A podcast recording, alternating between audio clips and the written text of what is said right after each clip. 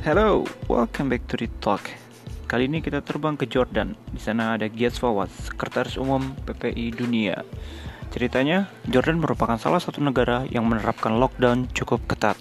Akibatnya, terjadi kericuhan di beberapa titik saja. Selain itu, kita juga ngobrol terkait kontribusi apa yang diberikan PPI Dunia untuk Indonesia. Ya udah, yuk langsung aja kita simak obrolan lebih lanjut di Read Talk. So stay tuned.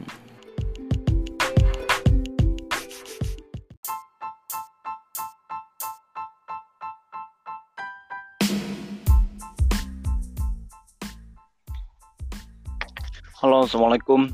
Ustaz warahmatullah gimana sehat saat kabar? Alhamdulillah sehat Rid Alhamdulillah. Sat, welcome to my podcast Read, Read Talk. Kali ini eh, kita terbang ke Jordan, teman-teman. Dan gue nggak sendiri, tentunya ditemani eh, Ustadz Ahmad Giat Fawaz. Eh, Zat, boleh Ya. kenalin diri dulu, Zat. Di Oke, mana dan di mana kampusnya dan lain sebagainya. Ya, oke. Eh, baik teman-teman dari Talk semuanya. Perkenalkan saya Ahmad Gios Fawaz. Eh, asal dari Banten. Saat ini sedang melanjutkan studi master di University of Jordan di Amman, Yordania di jurusan Islamic Studies in the Contemporary World. Ini sudah masuk tahun kedua, sekarang lagi nulis tesis, jadi doanya semoga lancar gitu kan ya. Wow. Semoga tahun ini bisa selesai. Dan juga eh, saat ini sedang ikut apa namanya ya ikut bekerja sama bareng teman-teman juga di PPI Dunia sebagai sekretaris umum di Yordania sendiri juga sekarang lagi diberi amanah sebagai ketua PCNU Yordania itu Wow. dulu mungkin Keren, keren, keren. PCNU, PPI, PPI dunia lagi ya kan? Berarti nggak salah orang nih untuk ngajak. Oke, Tet, gimana tuh. COVID-19 di Jordan?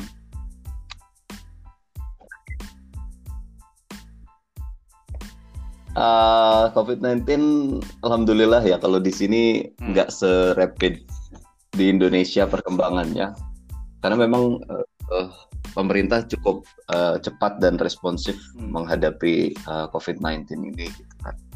Uh, mungkin ya jelas itu uh, ke- kenapa uh, cukup responsif? Karena uh, ada banyak faktor ya. Pertama, uh, Jordan secara wilayah memang uh, tidak besar tidak sebesar Indonesia jauh. Bahkan eh, apa namanya populasinya saja hanya sekitar 6-7 juta orang. Ya 10 juta mungkin dengan ekspatriat dan eh, kita yang bekerja dan belajar di Jordan gitu plus dengan pengungsi-pengungsi nah itu jadi itu eh, mempermudah mereka untuk eh, melakukan eh, tindakan cepat terkait COVID ini jadi COVID itu muncul di Jordan itu ada satu orang Jordan pulang dari Italia dia jalan-jalan gitu. Ah, dia terkena positif. Itu baru satu orang saat itu di awal Maret seingat saya.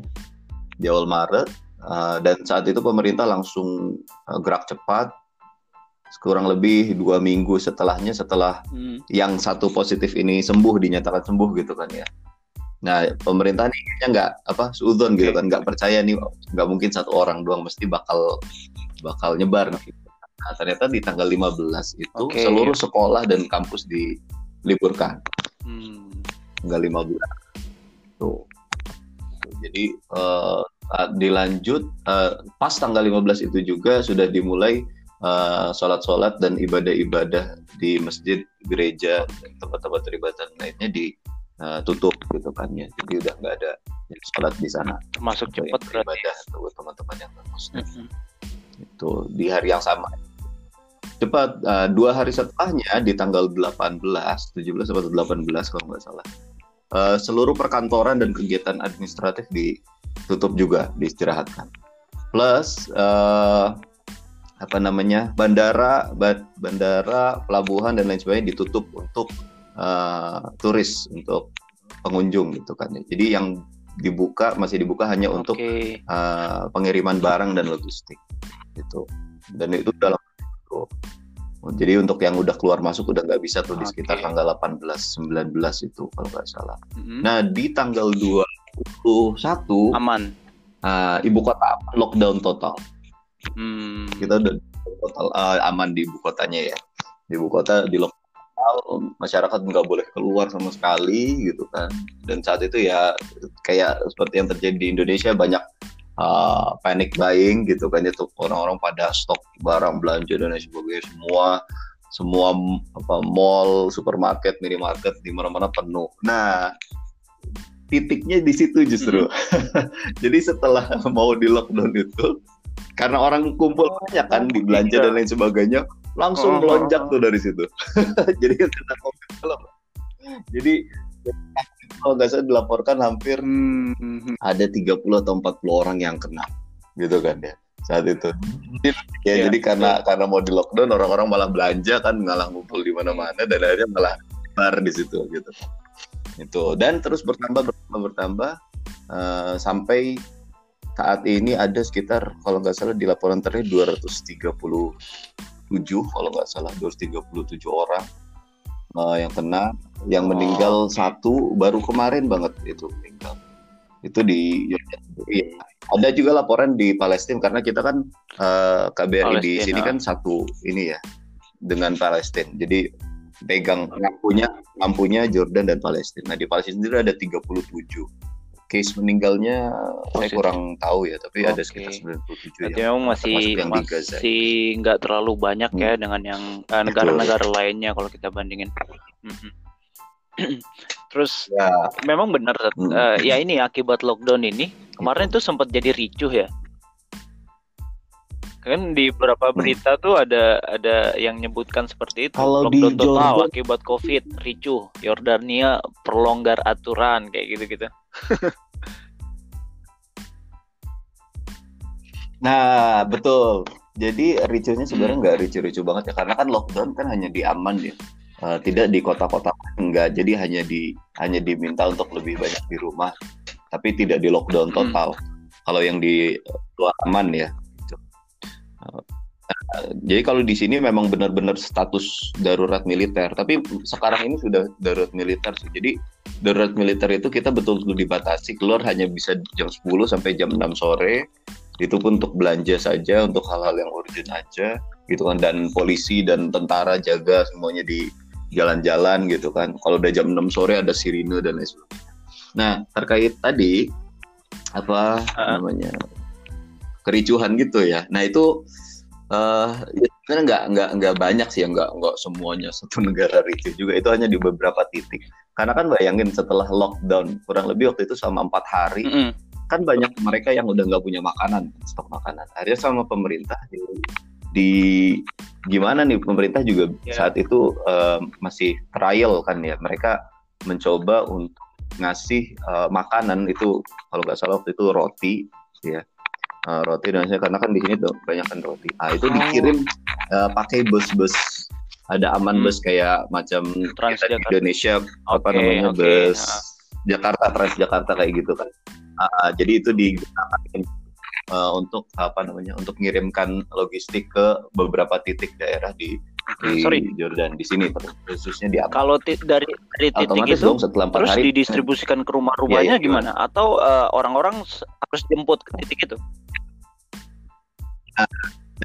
Oh, Nah, orang-orang jemput ke titik itu. Ah, di situlah jadinya ricuh kan. Ya jelas, ya jelas kan namanya orang I udah see. kelaparan dan Iya. lain sebagainya. Ya pasti orang rebutan akhirnya kan, nggak bisa ngantri dan sebagainya. Ah, Itulah ricuh kan gitu. Tapi itu nggak nggak di semua tempat. Kalau kayak di eh, tempat saya di sini ya aman-aman aja nggak ada yang ricuh begitu. Ah, tapi kan di beberapa tempat yang lain yang mungkin dia betul-betul orang situ kayaknya nggak bisa ke mana-mana sama Iya, sekali iya, dan stok, ya pasti bakal rebutan kan gitu.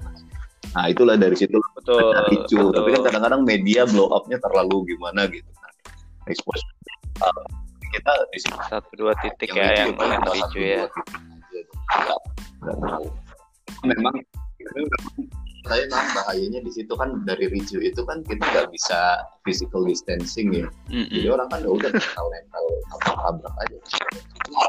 Ditakut itu kan ya ada yang kena covid kan nggak yeah, tahu yeah. di situ oke okay. nyebar juga nah, kan by the way antum di ini kan sekretaris umum PPI dunia kan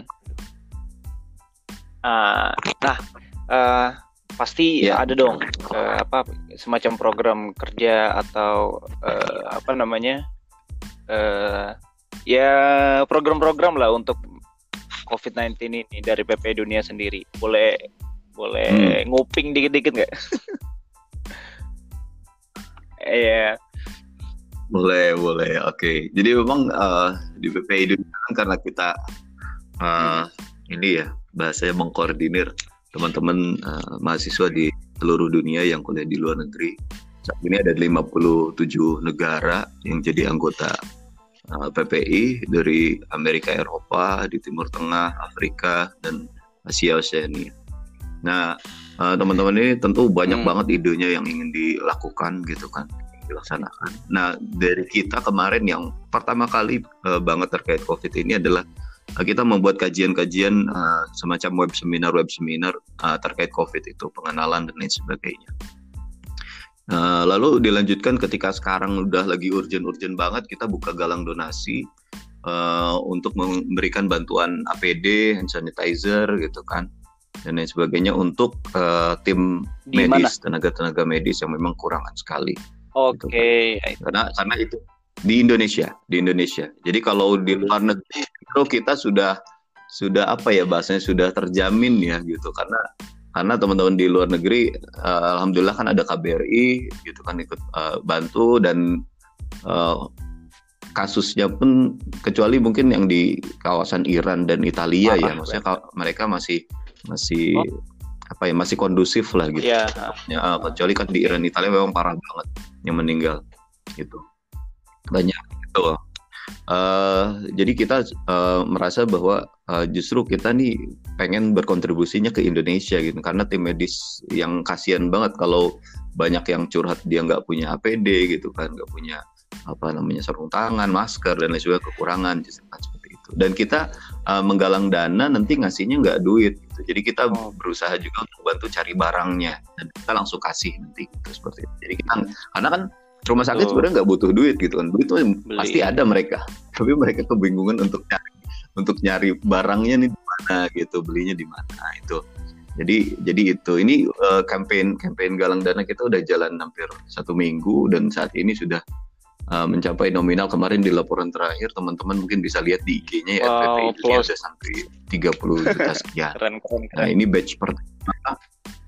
Ya alhamdulillah kan teman-teman banyak banyak yang banyak yang mau bantu gitu kan teman di PPI negara-negara juga mereka galang dan uh, apa namanya menyalurkannya hmm. lewat PPI dunia. Jadi ini batch pertama ya. Nanti kita akan buka hmm. batch kedua di minggu depan ini insya Allah gitu kan. Karena memang selama ini belum selesai kita akan tetap uh, buka donasi tapi memang kita bagi karena kan yang penting Betul. adalah uh, segera gitu kan. Yeah. Jadi kita nggak nunggu sampai mungkin 100 200 juta kayak gitu. Jadi okay. dalam so, satu minggu uh, udah dapat berapa itu langsung kita uh, koordinir eh koordinator di Indonesia-nya ada ya Sat ya?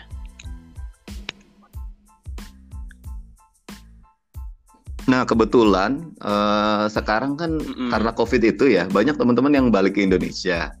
Jadi karena di negara ada yang kayak mahasiswa-mahasiswa yang lagi dia research di Indonesia atau lagi libur kemarin gitu kan. Pas mau balik ternyata nggak bisa karena ada covid itu gitu kan. Ya udah akhirnya di Indonesia aja. Nah gitu. Kebetulan yang kepala campaign kita juga lagi di Indonesia yang dia kuliah di Australia.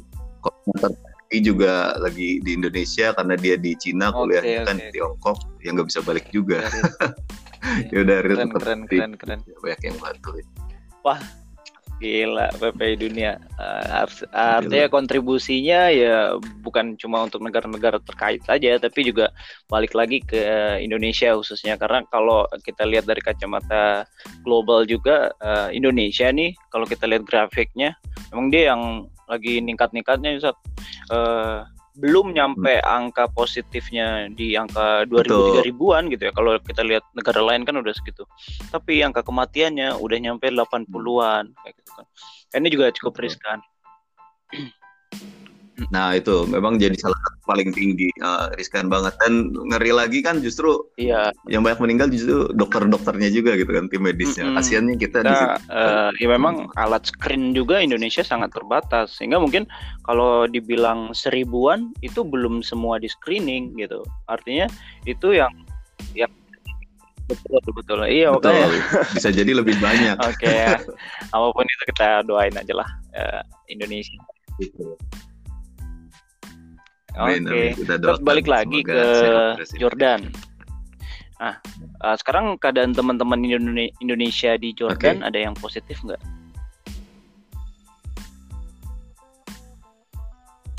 Alhamdulillah sampai saat ini enggak. Sempat ada yang kayak dia kena simptom Mm-mm. ya kena apa tanda-tanda demam gitu dia batuk, pilek gitu kan. Tapi alhamdulillah sekarang enggak. Ternyata dia memang cuma sakit biasa aja dikasih obat aja selesai. Karena memang kebetulan cuaca dingin kan ya. Karena kan baru selesai winter, baru selesai musim Ah. dingin.